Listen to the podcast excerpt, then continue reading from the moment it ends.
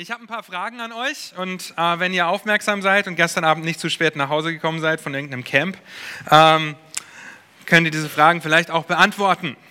Ja, eigentlich relativ simpel und ihr werdet den Dreh schnell raushaben, auf was diese Fragen abzielen. Ich warte auf eure Antwort, okay? Erste Frage. Wodurch hat Gott diese Welt geschaffen? Durch sein Wort. Sehr gut. Woher wussten Adam und Eva, was sie tun sollten? Durch sein Wort. Ihr merkt schon, es ist leicht wiederholend. Wie kam der Sündenfall zustande? Durch Worte. Okay, und dann daraus folgt Ungehorsam. Woher wusste zum Beispiel Mose, was er tun sollte? Woher wussten die Propheten, was sie aufschreiben sollten? Woher wissen wir, was wir tun sollen? Durch Gottes Wort. Okay? Wir sehen also im Lauf von der Schöpfung an bis zum letzten Buch sehen wir immer wieder Worte, die gesprochen werden. Auf der einen Seite Worte, die schöpfen, auf der anderen Seite Worte, die schröpfen, die zerstören, die aufbauen und die abreißen. Ja, gleich in den ersten drei Kapiteln habt ihr schöpfende Worte und zerstörende Worte. Und so wollen wir uns ein paar Prinzipien anschauen heute über den Umgang mit deiner Zunge. Denn unsere Zunge ist ein Übel und Gottes Wort, das er uns gegeben hat, gibt uns Anleitung und Hilfestellung, wie wir damit umgehen sollen, was wir tun dürfen, wie wir daran arbeiten sollen. Wir werden das tun, indem wir uns ein paar Verse aus den Sprüchen anschauen, natürlich zu Jakobus 3 kurz gehen, bevor wir uns dann auf Epheser 4, Vers 29 konzentrieren. Ein Vers, aus dem wir auch weitere Prinzipien holen wollen. Und ich möchte dem Ganzen zugrunde legen, was im Psalm 19 im letzten Vers steht. Psalm 19, und ihr wisst das, weil Wilhelm hat das immer gebetet, wenn er hier war. Da heißt es in Vers 15, lass die Worte meines Mundes und das Sinnen meines Herzens wohlgefällig sein vor dir, Herr, mein Fels und mein Erlöser. Ja, ich möchte, dass das zu unserem Gebet wird, dass wir das ernst meinen. Und so lasst uns ein paar Prinzipien anschauen. Zunächst in den Sprüchen. Ihr dürft die Sprüche aufschlagen. Die Sprüche sind voll mit der Zunge, mit dem Mund, mit Worten. Also wirklich prall gefüllt und wir haben gar nicht die Zeit, uns alle Stellen anzuschauen. Aber ich möchte unser Augenmerk auf Sprüche 12 lenken. Sprüche Kapitel 12, denn in diesem Kapitel finden wir etliche Prinzipien über die Worte, die wir nutzen. Da heißt es zum Beispiel in Vers 6, die Worte der Gottlosen stiften Blutvergießen an, aber der Mund der Aufrichtigen rettet sie. Oder in Vers 13, in treulosen Lippen steckt ein böser Fallstrick, ein Gerechter aber entgeht der Bedrängnis. Und dann ab Vers 16, da heißt es, ein Narr lässt seinen Ärger sofort merken, der Kluge aber steckt die Beleidigung ein. Wer die Wahrheit sagt, legt ein rechtes Zeugnis ab. Ein falscher Zeuge aber verkündet Lügen. Wer unbedacht schwatzt, der verletzt wie ein durchbohrenes Schwert. Die Zunge der Weisen aber ist heilsam. Wahrhaftige Lippen bestehen ewiglich, die Lügenzunge nur einen Augenblick. Falschheit wohnt im Herzen derer, die Böses schmieden, die aber zum Frieden raten, haben Freude. Den Gerechten wird kein Übel treffen, aber die Gottlosen werden voll Unglück sein. Falsche Lippen sind dem Herrn ein Gräuel. Wer aber die Wahrheit übt, gefällt ihm wohl. Ein kluger Mensch verbirgt sein Wissen, aber das Herz des Narren schreit Torheit hinaus bis hierher. Und das waren nur ein paar wenige Verse aus einem Kapitel in Gottes Wort die uns aufzeigen, was unsere Zunge alles ausrichten kann. Und allein diese paar Verse bieten schon genug Stoff, um euch, um mich zu überführen. Wir können uns die Fragen stellen, wie gehe ich mit mir anvertrauten Geheimnissen um? Bin ich treulos damit? Dann wird mir das zum Fallstrick. Das heißt, wenn du Geheimnisse ausplauderst, Dinge ausplauderst, wo du nicht weißt, ob du sie weiter sagen darfst oder nicht, dann wird dir das zum Fallstrick und man müsste vor dir warnen.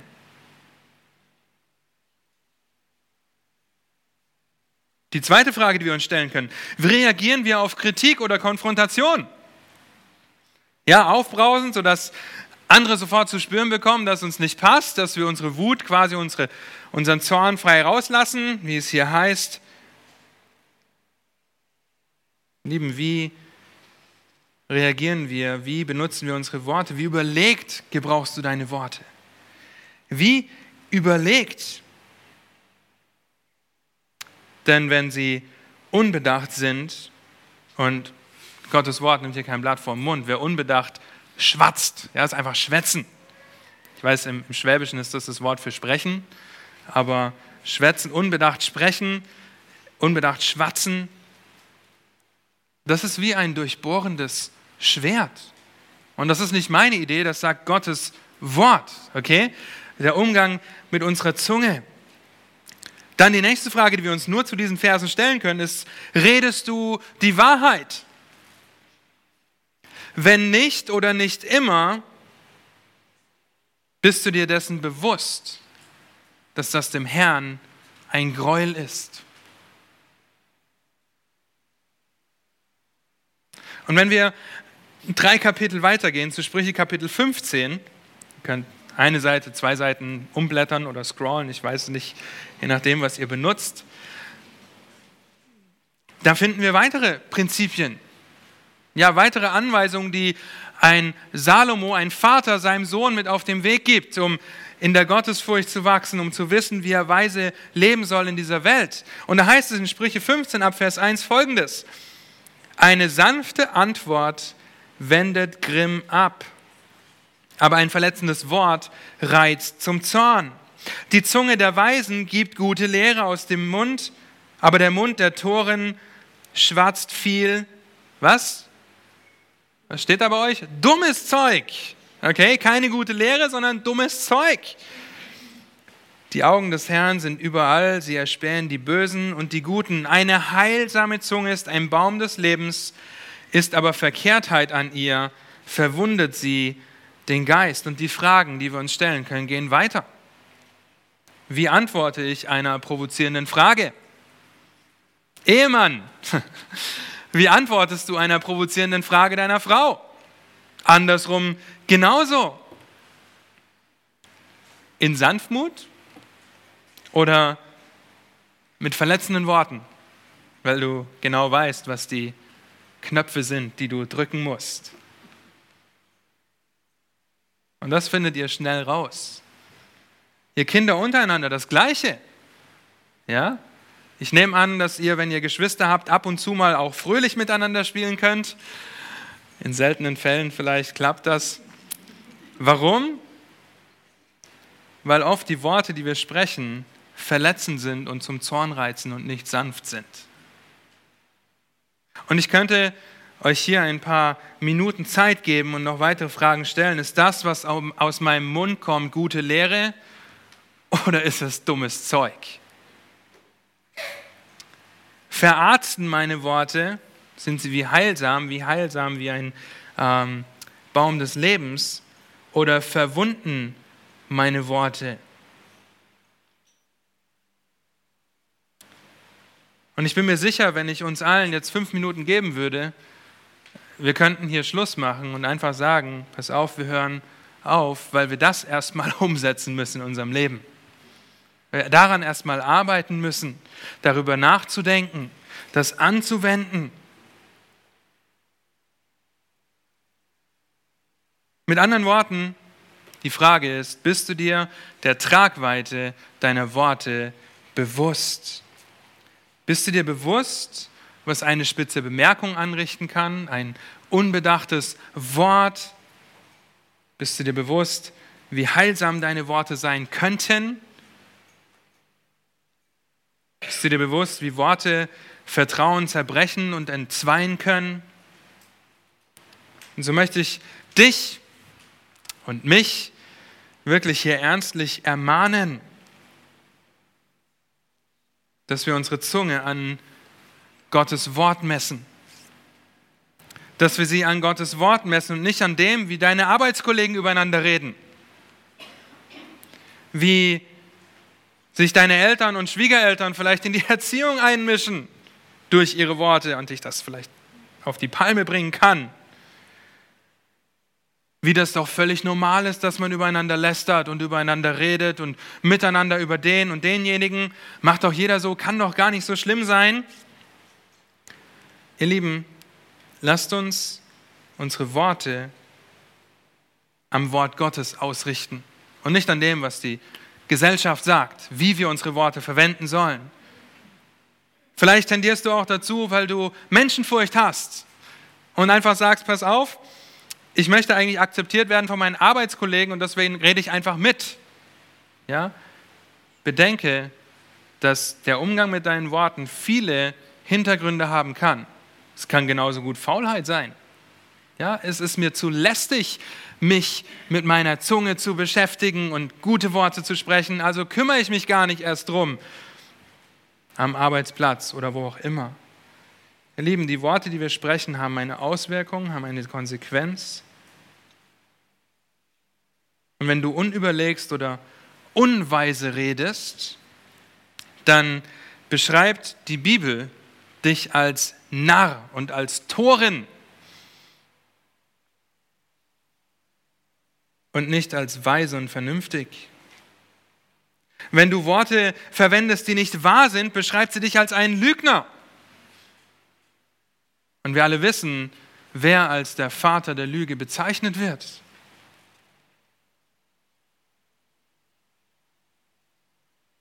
Erst denken und dann reden. Dieses Sprichwort kennt ihr.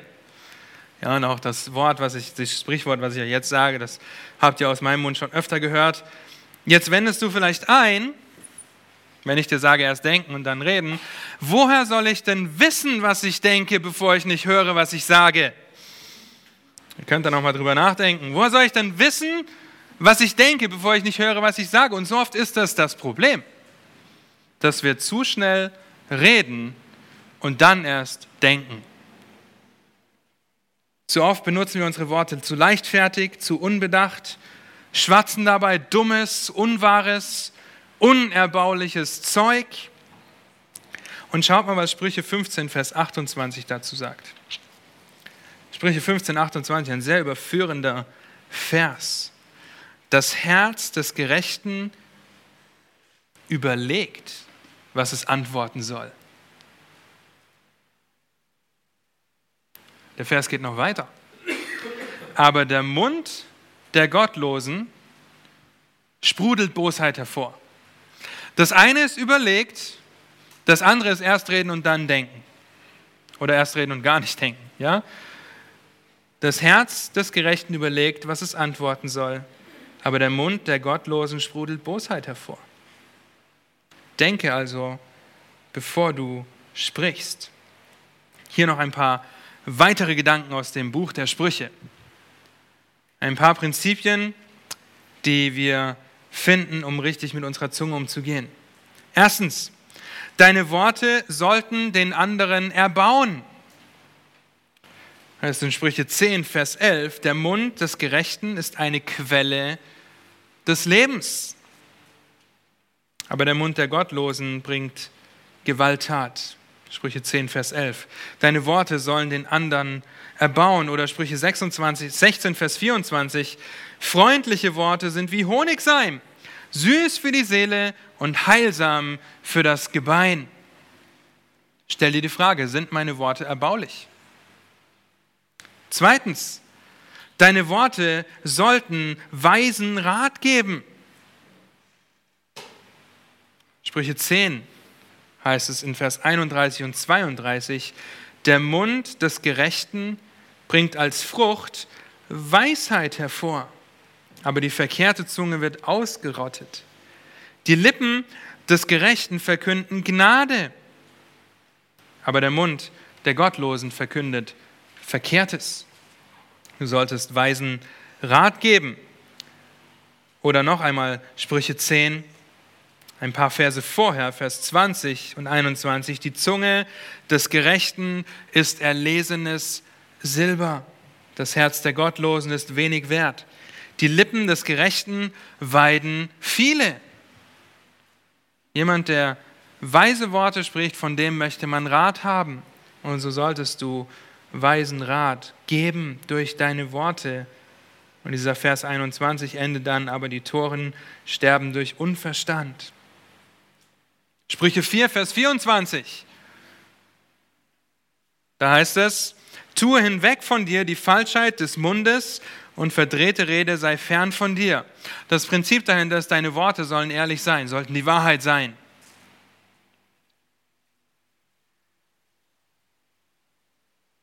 Und das vierte Prinzip, ein Sprichwort, das ihr auch kennt, der Ton macht die Musik. Sprüche 16, Vers 21 und Vers 23 heißt es, wer ein weises Herz hat, wird verständig genannt. Und liebliche Rede fördert die Belehrung.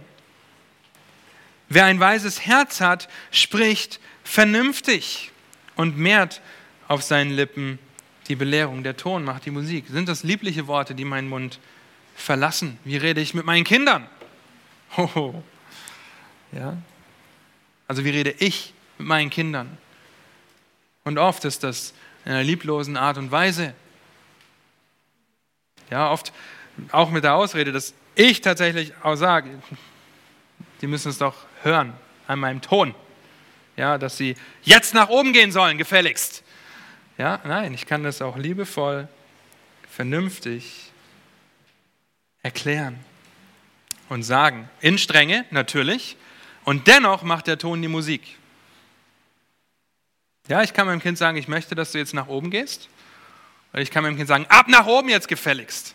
Ja, ich sage das Gleiche. Aber ich muss euch den Unterschied nicht erklären. Okay? Das eine ist bedacht und überlegt, ja, und das andere ist einfach nur nicht erbaulich. Also der Ton macht die Musik. Ein weiteres Prinzip, fünftens, deine Worte sollten nicht schlecht über andere sein oder gebrauche Worte, die nicht schlecht über den anderen reden.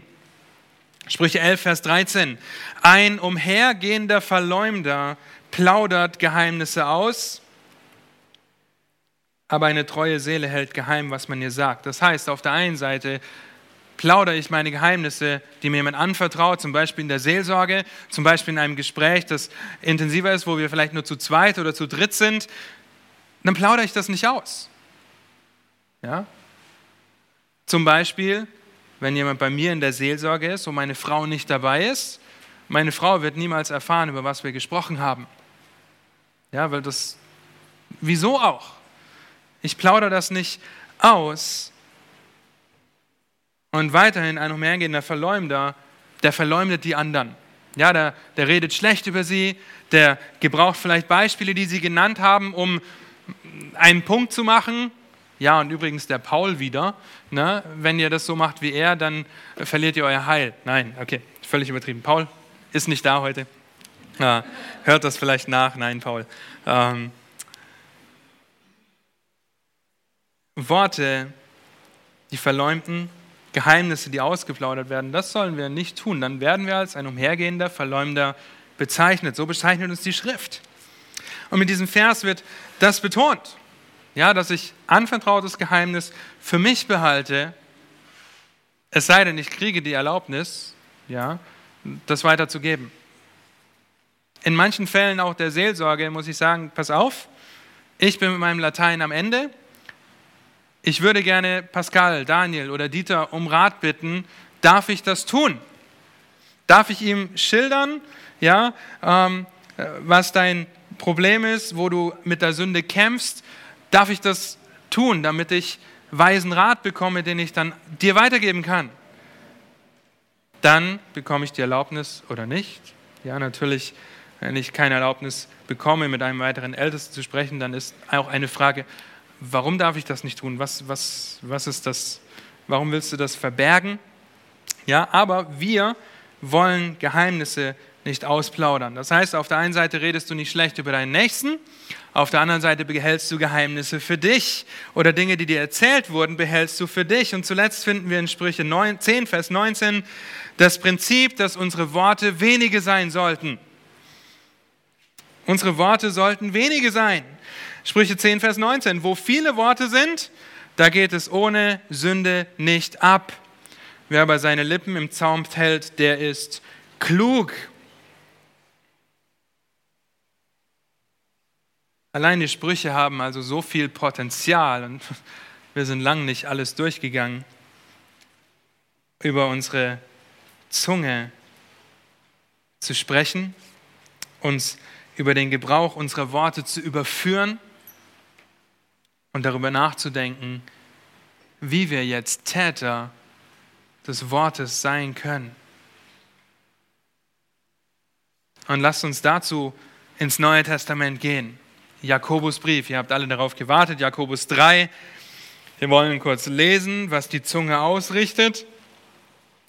Jakobus schreibt an Juden in der Zerstreuung, schreibt gleich im ersten Kapitel seines Briefes, Darum, meine geliebten Brüder, sei jeder Mensch schnell zum Hören, noch schneller zum Reden. Keiner widerspricht. Ei, ei, ei sei jeder Mensch schnell zum Hören, langsam zum Reden. Okay, und langsam zum Zorn. Da stellt sich doch sofort die Frage, bist du schnell zum Hören? Oder bist du schnell zum Reden? Ja, bist du schnell zum Reden und langsam zum Hören? Das heißt, während der andere spricht, überlegst du dir schon, was du antworten kannst und legst dir die Worte zurecht, dass sobald er eine Atempause macht, du reinspringen kannst. Ja? Oder höre ich zu, stelle ich vielleicht Fragen dazu, um das besser zu verstehen, überlege eine Antwort und bin langsam zum Reden und langsam zum Zorn. Trage ich meine Gedanken unüberlegt auf den Lippen und benutze vielleicht sogar die Ausrede dazu, ich denke ja nur laut? Oder bist du so stolz, dass du meinst, deine Meinung sei in diesem Moment die einzig richtige und wichtige, anstatt darüber nachzudenken, welche Worte dem anderen dienen in diesem Moment. Und dann natürlich Kapitel 3, ab Vers 1 über die Zunge. Werdet nicht in großer Zahl Lehrer, meine Brüder, da ihr wisst, was ein strengeres, dass wir ein strengeres Urteil empfangen werden. Lieben, wenn du den Wunsch hast, Ältester zu sein, Lehrer zu sein, dann werden wir, wirst du ein strengeres Urteil empfangen. Daniel, Dieter, Pascal, ich, wir werden ein strengeres Urteil empfangen. Deshalb er sagt die Bibel das. Denn wir alle verfehlen uns vielfach. Ich kann euch das bestätigen. Wenn ihr Dieter, Pascal, Daniel fragt, die können euch das sicher auch bestätigen, dass wir uns in den Worten vielfach verfehlen. Und dann geht es weiter. Wenn sich jemand im Wort nicht verfehlt, so ist er ein vollkommener Mann, fähig auch den ganzen Leib im Zaum zu halten. Und das ist das, was Sprüche 10, Vers 19 auch schon gesagt hat. Ja, ein weiser Mann hält seine Zunge im Zaun, aber hier sehen wir, ein vollkommener Mann ist einzig und allein in der Lage, das zu tun. Unser Herr Jesus Christus, Mensch gewordener Gott, Gott als Mensch geboren auf diese Welt gekommen, um für uns zu sterben, war ein vollkommener Mensch, weil er Gott war. Er hatte seine Zunge perfekt im Griff. Also er ist ein vollkommener Mann, fähig, auch den ganzen Leib im Zaum zu halten. Siehe, den Pferden legen wir die Zäume ins Maul, damit sie uns gehorchen. Und so lenken wir ihren ganzen Leib. Siehe auch die Schiffe, so groß sie sind und so rau die Winde auch sein mögen, die sie treiben, sie werden von einem ganz kleinen Steuerruder gelenkt, wohin die Absicht des Steuermannes will. So ist auch die Zunge ein kleines Glied und rühmt sich doch großer Dinge. Siehe, ein kleines Feuer, welch großen Wald zündet es an. Die Waldbrände in der Nähe von Potsdam, habt ihr mitbekommen, die waren nicht plötzlich da. Da war irgendwo ein Funke, ein kleines Feuer, das diesen Wald entbrannt hat. Dann heißt es weiter, und die Zunge ist ein Feuer, eine Welt der Ungerechtigkeit. So nimmt die Zunge ihren Platz ein unter unseren Gliedern, sie befleckt den ganzen Leib und steckt den Umkreis des Lebens in Brand und wird selbst von der Hölle in Brand gesteckt. Denn jede Art der wilden Tiere und Vögel, der Reptilien und Meerestiere wird bezwungen und ist bezwungen worden von der menschlichen Natur. Die Zunge aber kann kein Mensch bezwingen. Das unbändige Übel voll tödlichen Giftes. Mit ihr loben wir Gott, den Vater, und mit ihr verfluchen wir die Menschen, die nach dem Bild Gottes gemacht sind. Aus ein und demselben Mund geht Lob und Fluchen hervor. Das sollte nicht so sein, meine Brüder. Sprudelt auch eine Quelle aus derselben Öffnung Süßes und Bitteres hervor? Kann auch meine Brüder einen Feigenbaum Oliven tragen ein, oder einen Weinstock Feigen? So kann auch eine Quelle nicht salziges und süßes Wasser geben. Und diese Verse geben eine Antwort darauf, warum es zu Zwietracht, warum es zu Streit kommt, Kapitel 1 gibt uns eine weitere Antwort darauf. Es kommt aus den Begierden, aus den Lüsten unseres Herzens. Aber das tragen wir so schnell auf der Zunge. Diese Verse zeigen uns auch auf, dass wir niemals in der Lage sind, unsere Zunge perfekt in Zaum zu halten. Wer von euch das kann, der darf jetzt aufstehen und hier weitermachen. Und ich höre zu, wie ihr das macht. Ja? Es ist unmöglich, die Zunge im Zaum zu halten. Und deswegen müssen wir uns mit den Worten, die wir sprechen, auseinandersetzen, darüber nachdenken, uns hinterfragen, warum, weshalb und wieso wir diese Worte gebrauchen. Nun, dass das unmöglich ist, entbindet uns natürlich nicht von der Verantwortung, daran zu arbeiten, Täter des Wortes zu sein, darüber nachzudenken, was die Schrift sagt es zu beherzigen, es anzuwenden, es umzusetzen, Kraft des Geistes, der in uns wohnt, an dieser Sünde zu arbeiten. Wir leben in einer Welt, in der es ohne Kommunikation nicht funktionieren würde. Ja, Adam und Eva wussten durch Kommunikation, was sie tun sollten. Das geht von Anfang an los. Und heute leben wir weiterhin in dieser Welt, die kommunizieren muss. Selbst im Tierreich wird kommuniziert und oft geht es dort glimpflicher einher als unter uns Menschen. Wir reden, Gott spricht ständig, auch heute. Wir haben es hier durch sein Wort. Ja? Natürlich haben wir das in der Schriftform, aber um diese Schriftform zu bekommen, musste irgendjemand das sprechen, dass es aufgeschrieben werden kann. Und es ist durch Gott und sein Wort, durch den Heiligen Geist, Gott gehaucht, inspiriert, aufgeschrieben das ist Gottes Wort. Die Schöpfung verkündet seine Herrlichkeit, Kommunikation hier und da überall. Christus ist das Fleisch gewordene Wort. Das könnt ihr zum Beispiel in Johannes 1 lesen, auch in Hebräer Kapitel 1 gleich zu Anfang.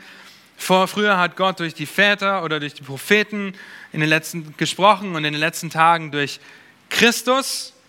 Ja, und äh, er ist das fleischgewordene Wort Gottes. Und deshalb müssen wir uns Gedanken machen über die Worte, die wir sprechen. Wir müssen uns Gedanken machen, ob unsere Worte aufbauen oder abreißen, ob sie beleben oder ob sie abtöten. Eines Tages kam ein Mann zu Sokrates, diesem Philosophen. Er war voller Aufregung und sagt, hey, Sokrates, hast du das schon gehört, was dein Freund da getan hat? Das muss ich dir gleich erzählen.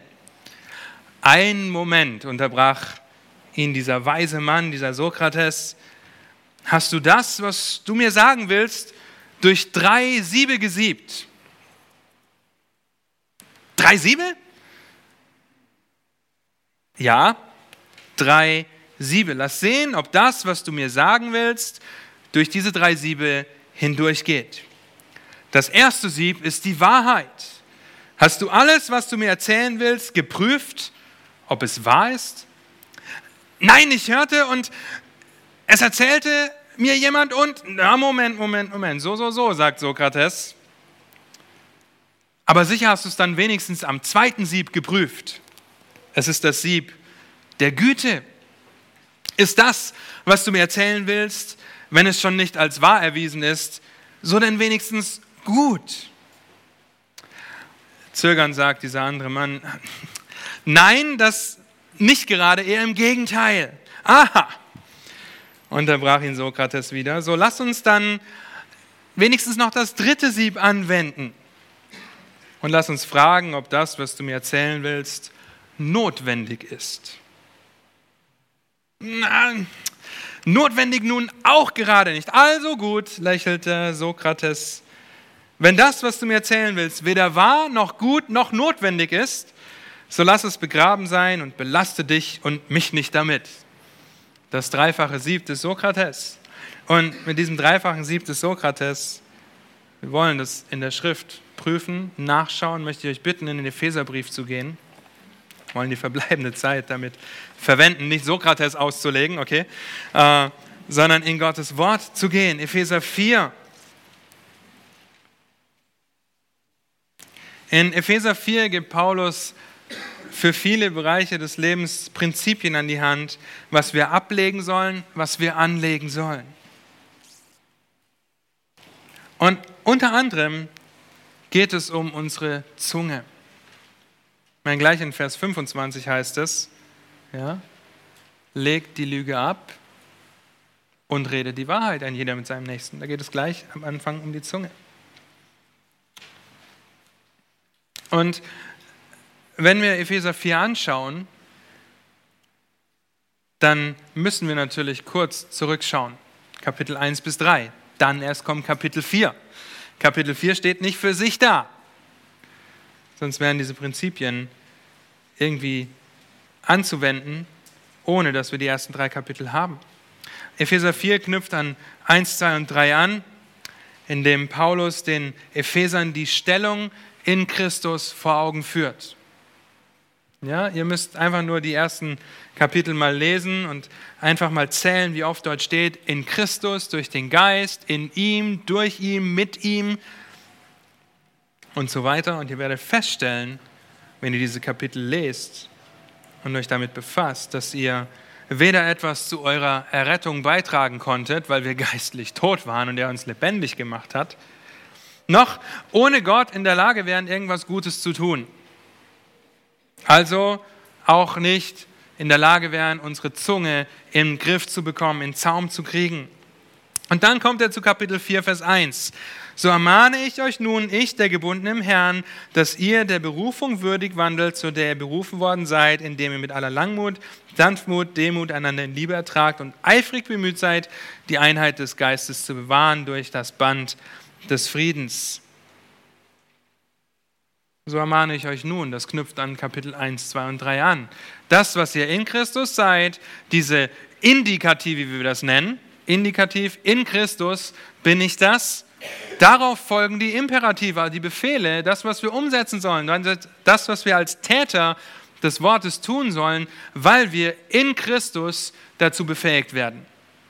Ja, das heißt, wenn du Herrn Jesus Christus nicht als dein Herrn und Retter hast, dann mögen das gute Prinzipien sein, die du heute hörst. Ja, aber du wirst sie niemals so anwenden können, dass es Gott die Ehre gibt. Wird nicht funktionieren. Dann zeigt er die Gnadengaben auf in Kapitel 4 und beginnt in Vers 17 mit der Anweisung an und abzulegen. Vers 25, Lüge ablegen, Wahrheit reden, Zorn ablegen. Ja, dann geht es weiter. Vers 28, nicht mehr stehlen, sondern Gutes tun und geben. Vers 30 beziehungsweise 31 und 32, Bitterkeit, Wut, Zorn, Geschrei, Lästerung sei von euch weggetan samt aller Bosheit. Seid aber, also das Ablegen und dann gegeneinander freundlich und barmherzig und vergebt einander, gleich wie auch Gott euch vergeben hat in Christus. Und zwischendrin ist dieser kleine Vers 29. Und dieser kleine Vers 29 soll uns die letzten paar Minuten noch beschäftigen. Und da heißt es, kein schlechtes Wort soll aus eurem Mund kommen, sondern was Gutes zur Erbauung, wo es nötig ist, damit es den Hörern Gnade bringe. Und wir finden in diesem Vers drei bis vier Prinzipien für den richtigen Umgang mit unserer Zunge. Es ist quasi ein vierfaches Sieb, durch das wir unsere Worte sieben wollen, bevor wir sie sprechen. Das erste Sieb, das erste Prinzip ist, Worte vermeiden, die eklig sind. Kein faules Wort, kein schlechtes Wort soll aus eurem Mund kommen. Und das griechische Wort für faul hier ist sapros. Ja, und es bedeutet verfault oder vergammelt. Es wurde gebraucht, um Lebensmittel zu beschreiben, die ungenießbar geworden sind, weil sie verdorben waren. Es ist die Milchpackung, die zwei Wochen bei 30 Grad auf dem Balkon steht. Der Apfel, der so haarig ist wie ein Pfirsich, weil ihr ihn irgendwo im Schrank vergessen habt. Nun, ihr würdet niemals auf die Idee kommen, diese Milch zu trinken, noch den Apfel zu essen. Nehme ich stark an. Aber wie oft nehmen wir faule Worte in den Mund? Ja? Das ist das, was dieses Wort uns aufzeigt. Bei UPS bin ich für die beschädigten Pakete verantwortlich. Das heißt, wenn der Inhalt von dem Paket kaputt ist, dann werden Fotos gemacht, dann wird das aufgenommen, im Computer eingeben und so weiter. Und ich darf entscheiden, ob das weitergeschickt wird, ob es zurückgeschickt wird oder ob es in den Müll kommt. Letzten Sommer hatten wir Fisch aus Frankreich, der schon verdorben bei uns ankam. Und der eine oder andere, der keinen Fisch mag, kann sich vielleicht vorstellen, was für eine Überwindung es gekostet hat, dieses Paket zu öffnen, den Krabbeln, Muscheln und Fischen ins Gesicht zu gucken und Fotos zu machen. Nun, aber der schlimmste und der größte Fehler, den ich damals gemacht habe, war, das Ganze in die Müllpresse zu schmeißen. Okay? Diese Müllpresse steht vor der Halle. Die Sonne hat den Rest dazu beigetragen und so konnte man schon beim Betreten des Hofes diesen herrlich beißenden Geruch von vergammeltem Fisch riechen. In einem Teil der Halle konnte man so gut wie gar nicht mehr arbeiten, weil es so gestunken hat.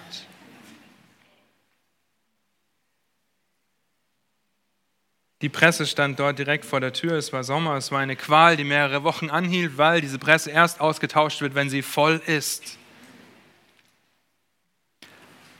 Jetzt lade ich dich ein zum Fischessen. Hol diesen Fisch aus der Presse und serviere ihn dir. Nun, ich male euch das so plastisch vor Augen, weil das genau die Tragweite dessen ist, wenn wir faule Worte benutzen. Das ist das, was Paulus hier meint, wenn er sagt, kein faules Wort kommt aus eurem Mund. Ja, wir würden nicht mal im entferntesten auf die Idee kommen, solche Dinge zu essen, geschweige denn anzufassen. Kein faules Wort kommt aus eurem Mund. Worte, die verletzen, Worte, die sticheln, Worte, die lästern, Worte, die Lügen sind, Worte, die den anderen in ein schlechtes Licht rücken oder ihm ständig das Gefühl vermitteln, sich rechtfertigen zu müssen. Worte, mit denen man über andere herzieht, mit denen man flucht. Diese Worte sind wie vergammelter Fisch, der mehrere Wochen in einer Müllpresse liegt. Kein schlechtes Wort komme aus deinem, aus meinem Mund. Lasst uns hier einen kurzen Abstecher machen zu Lukas Kapitel 6. Dort sehen wir ab Vers 43, wie Jesus folgende Worte spricht. Da heißt es, denn es gibt keinen guten Baum, der schlechte Frucht bringt, noch einen schlechten Baum, der gute Frucht bringt. Denn jeder Baum wird an seiner Frucht erkannt. Denn von Dornen sammelt man keine Feigen und vom Dornbusch liest man keine Trauben. Der gute Mensch bringt aus dem guten Schatz seines Herzens das Gute hervor.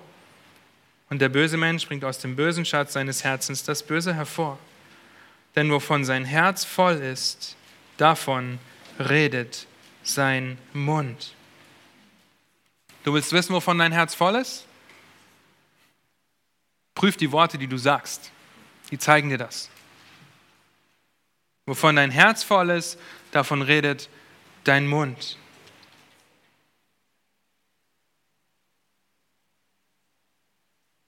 Und wenn dein Herz nicht voll Gutem ist, dann stell dir die Frage, warum nicht? Warum nicht? Welche Gedanken muss ich ablegen? Welche Gedanken muss ich anlegen, um gute Frucht zu bringen? Und nur nebenbei gemerkt, wenn du ein Kind Gottes bist, kannst du das Gute tun, weil du dich oder weil dich die Güte in Person errettet hat und dazu befähigt, das zu tun. Ich kann es nicht oft, nicht oft genug sagen. Wenn faule Worte deinen Mund verlassen, ob es Lüge ist, ob es Sticheln ist, was auch immer, kommen sie aus einem faulen Herzen. Denn wovon das Herz voll ist, davon redet der Mund. Und wenn du ein Kind Gottes bist, dann prüfe dich, ob du, ein, ob du den Heiligen Geist betrübst, ob du dein Gewissen abgestumpft hast und fülle deine Gedanken mit dem Guten. Hier, lies die Bibel, bet jeden Tag, wenn du wachsen willst. Wenn du dein Herz mit Gutem füllen willst, dann setz dich dem einzig wahren Gutem aus. Und das ist Gottes Wort. Denke darüber nach, denke über all das nach, was wahrhaftig, was ehrbar, gerecht, rein, liebenswert, wohllautend ist. Ob es irgendeine Tugend oder etwas Lobenswertes ist. Philippa 4, Vers 8. Dann wirst du beginnen, nicht höher von dir zu denken, als sich zu denken gebührt. Du wirst begreifen, dass falsche Lippen dem Herrn ein Gräuel sind. Du wirst begreifen, dass du erst denkst und dann redest deine Antwort zurechtlegst und sie wohl bedacht aussprichst, dann wirst du nicht langsam hören und schnell reden, aber fülle dein Herz mit dem Guten. Vermeide Worte, die eklig sind, die vergammelt sind. Denke über die Wahrheit Gottes nach, führe sie dir vor Augen, dann ist das ein gutes, ein sehr gutes Fundament, faule Worte abzulegen. Nun, Paulus hört hier nicht auf. Paulus sagt nicht, leg die faulen Worte ab. Kein schlechtes Wort soll aus seinem Mund kommen, sondern er macht mit einem Sondern weiter. Und das ist sehr gut. Denn da haben wir faule Worte ablegen, sondern, ah, jetzt müssen wir zuhören, was wir denn tun sollen. Das zweite Prinzip, das zweite Sieb, Worte verwenden, die erbaulich sind. Kein schlechtes Wort kommt aus eurem Mund, sondern was gut ist zur Erbauung. Die Worte, die du sprechen solltest, sollen erbaulich sein, sollen dem anderen dienen.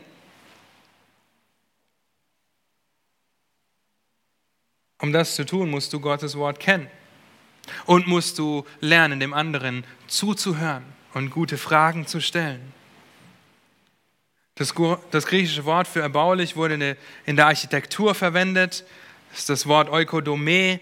Das bedeutet einfach zu bauen oder aufzubauen. Die Gemeinde wird mit diesem Wort bezeichnet, mit diesem Oiko. Die Frau, tatsächlich Oiko des Potes, eine Hausfrau, wenn es um Häuslichkeit geht, es geht ums Aufbauen, ums Haus aufbauen. Ja, ein Fundament legen, ein Mauerwerk draufsetzen, eine Etage draufziehen, nochmal Mauerwerk und dann das Dach. Unser Haus wurde glücklicherweise nicht von mir gebaut. Ja, mit zwei linken Händen ist das schwierig. Es wäre wirklich schlecht gewesen, hätte ich das machen müssen. Nein, es wurde von geübten, gelernten Maurern, Fliesenlegern, Dachdeckern und so weiter gebaut, die wussten, wie das funktioniert. Die wussten, was gut für dieses Haus ist. Dass ich nicht mit dem Dachstuhl komme, wenn das Fundament noch nicht gegossen ist. Gut, das hätte ich auch noch rausgefunden. Ja, aber ihr Lieben, deshalb, bevor du die Worte in den Mund nimmst, halte dir den Spiegel der Wahrheit vor Augen und überlege, bevor sie deinen Mund verlassen, ob sie erbaulich sind, ob sie den anderen erbauen. Stell dir nicht die Frage nach dem Grad der Sensation der Botschaft, die du verkünden willst, sondern nach dem Grad der Erbauung. Das kann bedeuten, manchmal einfach nichts zu sagen. Ja, das kann bedeuten, bevor man seinen Mund aufmacht, einfach drei Sekunden zu warten. Zum Beispiel, ja, ganz, ganz praktisch. Das kann aber auch bedeuten, zu sagen, wenn du mit deinem Ehepartner sprichst und ihr vielleicht einen Konflikt habt, so ein bisschen, oder eine provozierende Frage bekommst, dass du nicht sofort antwortest, sondern dass du sagst, auch sprichst, okay, Schatz, ich muss kurz überlegen, wie ich dir darauf antworten kann. Ja, bevor ich einfach raussprudel. Denn das ist das, was der Tor tut. Und so oft sind wir die Toren, die einfach raussprudeln und nicht darüber nachdenken. Denke über den Grad der Erbauung nach. Wie können meine Worte dem anderen dienen? Ob in der Erziehung meiner Kinder, ob im Gespräch mit meinem Ehepartner, ja, ob in der Seelsorge. Wie können meine Worte dem anderen dienen? Erbaulich. Nun, der Vers geht noch weiter. Gibt das dritte Sieb. Worte prüfen, ob sie erforderlich sind wo sie nötig sind. Okay? Heißt das, sondern was Gutes zur Erbauung, wo es nötig ist. Ganz einfach. Worte prüfen, ob sie erforderlich sind. Sind sie nötig? Weil oft können wir Worte mit der falschen Motivation gebrauchen, um den anderen zu erbauen. Ja, es ist nicht schlimm.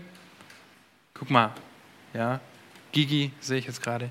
Gigi ist viel, wenn du dich mit Gigi vergleichst, dann bist du doch gar nicht so schlecht. Ja. Ich könnte auch Robert nehmen. Robert da? Unseren imaginären Robert-Freund. Ähm, ihr Lieben, oft gebrauchen wir Worte, um den anderen vielleicht zu erbauen, aber es ist überhaupt nicht erforderlich. Ja, oder die falsche Motivation liegt dem Ganzen zur Grundlage. Die andere Person ist doch viel schlimmer. Ja, jetzt hab dich nicht so, es ist gut.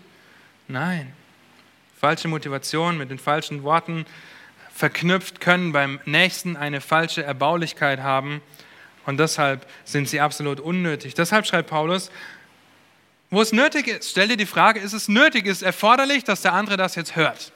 Ja, ist es dringend, dass er das hören muss? Ist es wirklich notwendig? Und zu dieser Notwendigkeit gehört auch der Zeitpunkt. Ist es der richtige Zeitpunkt? ihm das jetzt zu sagen, was er hören sollte. Ja? Oder was ich meine, er muss, dass er das hören muss. Ich kann in einem Moment äh, der Überführung von Sünde, wenn ich wirklich merke, der andere ist überführt von einer Sünde, ja, hat, also hat es nötig, jetzt anzulegen und abzulegen und das zu erkennen, aber ist es zeitlich sofort angebracht, jetzt zu sagen, okay, pass auf, ich nehme jetzt Gottes Wort als Vorschlaghammer und hau dir den über den Kopf. Ja, lieblos. Die Wahrheit habe ich geredet, aber ich habe sie nicht in Liebe geredet, ich habe sie nicht mit der Notwendigkeit gesprochen, der Erbauung. Nun, also Worte, die erforderlich sind. Sind die Worte wirklich erforderlich? Ist es nötig, dass der andere das hört?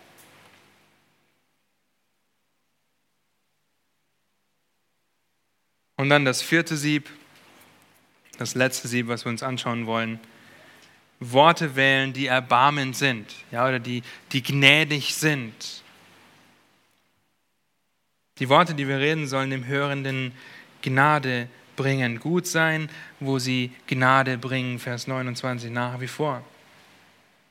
Gut zur Erbauung, wo sie nötig sind, damit es den Hörern Gnade bringe. Deine und meine Worte sollen dazu dienen, den anderen, gerade wenn es ein Bruder oder eine Schwester ist, geistlich voranzutreiben. Tun deine Worte das? Ja? Ist dein Gespräch davon geprägt oder die Absicht deines Gespräches vielleicht davon geprägt, den anderen zu ermutigen, zu erbauen, auch zu ermahnen? Ich sage nicht, dass wir jetzt, ähm, wenn wir miteinander reden, nur noch Bibelverse zitieren. Ja? Wir dürfen ähm, darüber reden, wie entspannt oder wie erholsam der Urlaub war oder so. Aber einfach das dann auf, darauf zu lenken, worum es wirklich geht. Hey, ist es nicht toll, dass Gott uns eine so schöne Schöpfung gegeben hat, die wir im Urlaub genießen dürfen? Einfach den Blick weg von dem, wow, ich, ich habe es so gut gehabt und mir geht es so gut, hin auf Gott. Ja? Oft ist es auch andersrum. mir geht so schlecht und so weiter und dann aber trotzdem hin auf Gott. Worte, die Gnade bringen, sind nicht immer nur Worte, die mit Liebe tätscheln. Okay? Deswegen nicht nur erbaulich und ermutigend, sondern genauso ermahnend. Wir sollen die Wahrheit in Liebe sagen, wir sollen darauf hinweisen in Liebe.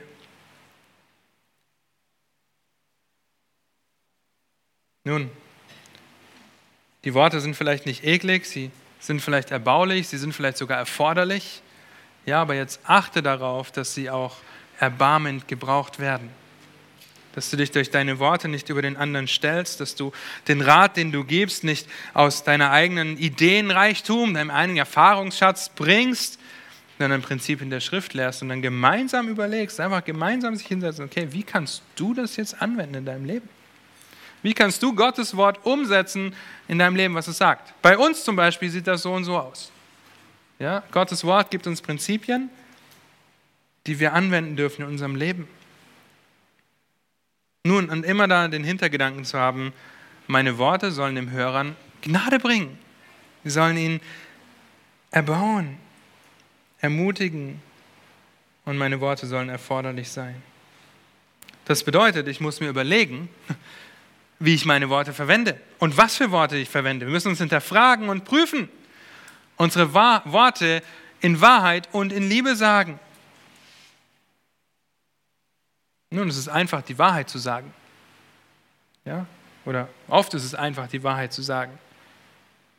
Aber das in Liebe zu sagen?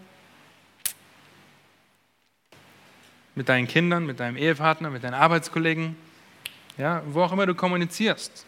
Ja, bist du dabei, Worte der Wahrheit zu sagen, aber auch in Liebe zu sagen? Oder sagst du vielleicht, weil du denkst, ah, wenn ich jetzt die Wahrheit sage, dann ist das nicht liebevoll und dann bin ich lieber lieb und sage gar nichts? Ja, man kann das genauso umdrehen. Nun, Gottes Wort ist Wahrheit und in Christus finden wir Gott als Mensch der sich aus Liebe zu uns hingegeben hat. Er ist das fleischgewordene Wort Gottes. Er ist derjenige, der in seiner Zunge, seine Zunge perfekt im Griff hatte und die Wahrheit in Liebe gesprochen hat. Ja, er hat die Wahrheit in Liebe gesprochen, auch wenn er die Pharisäer ermahnt und vor ihnen warnt. Das waren harte Worte. Ja? Auch das dürfen wir tun, wenn wir einen anderen konfrontieren mit klaren Worten der Schrift, nicht mit eigenen Überzeugungen. Ihr Lieben, ermahnen und zurechtweisen, vor falscher Lehre warnen, das tut die Schrift immer wieder. Die Frage ist, sind diese Worte, wenn sie gegen falsche Lehre gehen, wenn sie auffordern zur Buße, weil sie das Leben ohne Gott als okay, du hast die Schöpfung mit der Schöpfung, den Schöpfer mit der Schöpfung vertauscht in deiner Anbetung. Du bist als Anbeter geschaffen, tu Buße. Ja, kehr um. Sind das dann Worte, die weniger wahr, weniger nötig und weniger, weniger gnädig wären? Auf keinen Fall. Ja, Gewohnheiten der Sünde im Leben des anderen anzusprechen, ist mehr als nötig und gnädig, das zu tun das Evangelium zu verkündigen und ihn zu bitten, Buße zu tun, seine Knie schon jetzt vor dem Schöpfer Gott zu beugen und nicht erst, wenn es zu spät wird, ist das Erbaulichste, das Nötigste, was wir tun können. Die Wahrheit in Liebe sagen. Ich möchte euch aber auch ermutigen, den Weg der Demut und der Sanftmut zu gehen, wenn ihr die Worte wählt, die ihr wählt. Ob in einem normalen Gespräch, dann kannst du diese vier Siebe, diese vier Prinzipien bedenken. Ob in einer unangenehmen Situation, denk über diese vier Siebe nach. Das ist so essentiell für unsere Kommunikation. Bedenke deine Worte, bevor sie über deine Lippen kommen.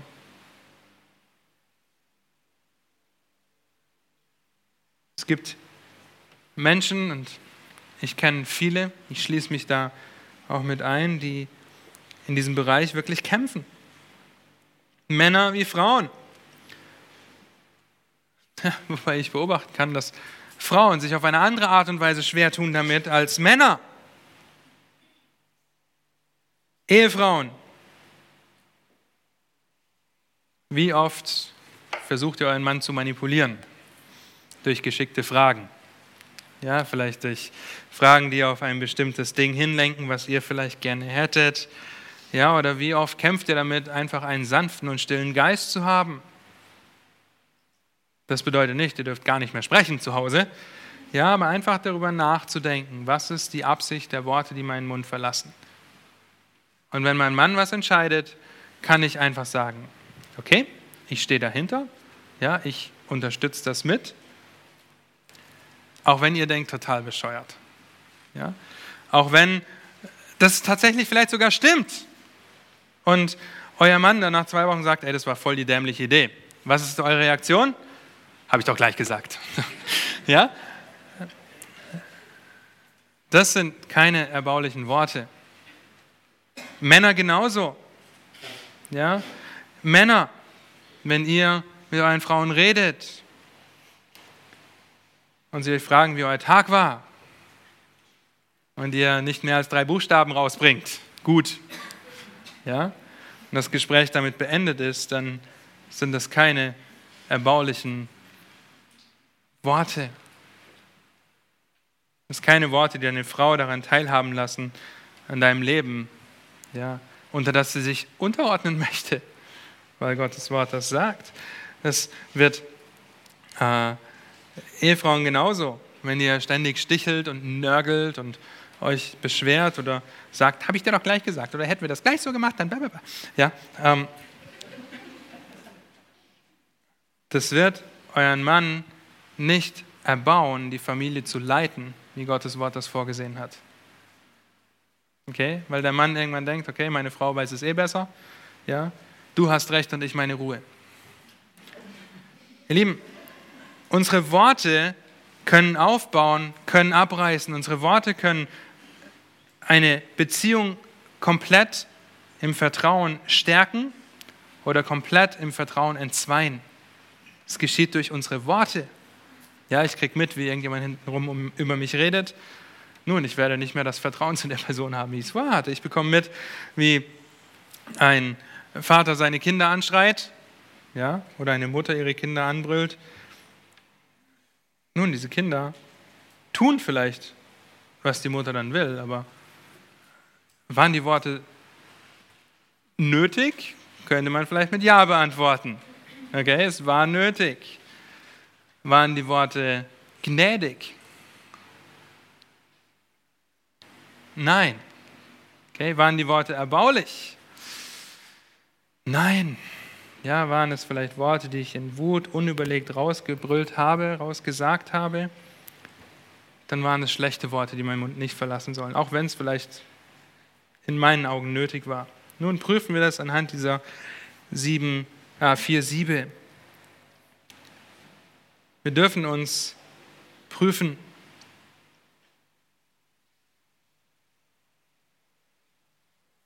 Und hinterfragen in den Bereichen, in denen wir kommunizieren, wo wir und wie wir unsere Worte gebrauchen. Eine Frau in einem Dorf geht zu ihrem Pfarrer oder ihrem Pastor und erzählt ihm völlig aufgelöst, dass sie vor einiger Zeit ein Gerücht über eine weitere Frau im Dorf in die Welt gesetzt hat. Und wer von euch im Dorf aufgewachsen ist, der weiß, dass dort jeder jeden kennt. Und wie das Gerücht immer größer geworden ist, wie das irgendwann zu dieser anderen Frau gekommen ist. Und es tut ihr schrecklich leid und sie möchte es wieder gut machen. Nun, der Pfarrer gibt ihr folgende Anweisung. Nimm ein Daunenkissen Geh auf den Kirchturm, reiß es auf und spiele Frau Holle. Die Frau völlig verwundert darüber, denkt sich, okay, mache ich halt, was er sagt, das ist irgendwie ein bisschen komisch, ich, ich verstehe es noch nicht ganz. Geht auf den Kirchturm, reißt das Kissen auf, schüttelt es komplett aus, dass die Federn überall verteilt sind. Geht zurück zu ihrem Pastor oder Pfarrer und berichtet ihm über das erfolgreiche Ausführen des Pfarrers Ah, das der Aufgabe. Daraufhin sagt der Pfarrer, hast du sehr gut gemacht, vielen Dank. Jetzt geh und sammle alle Federn wieder ein.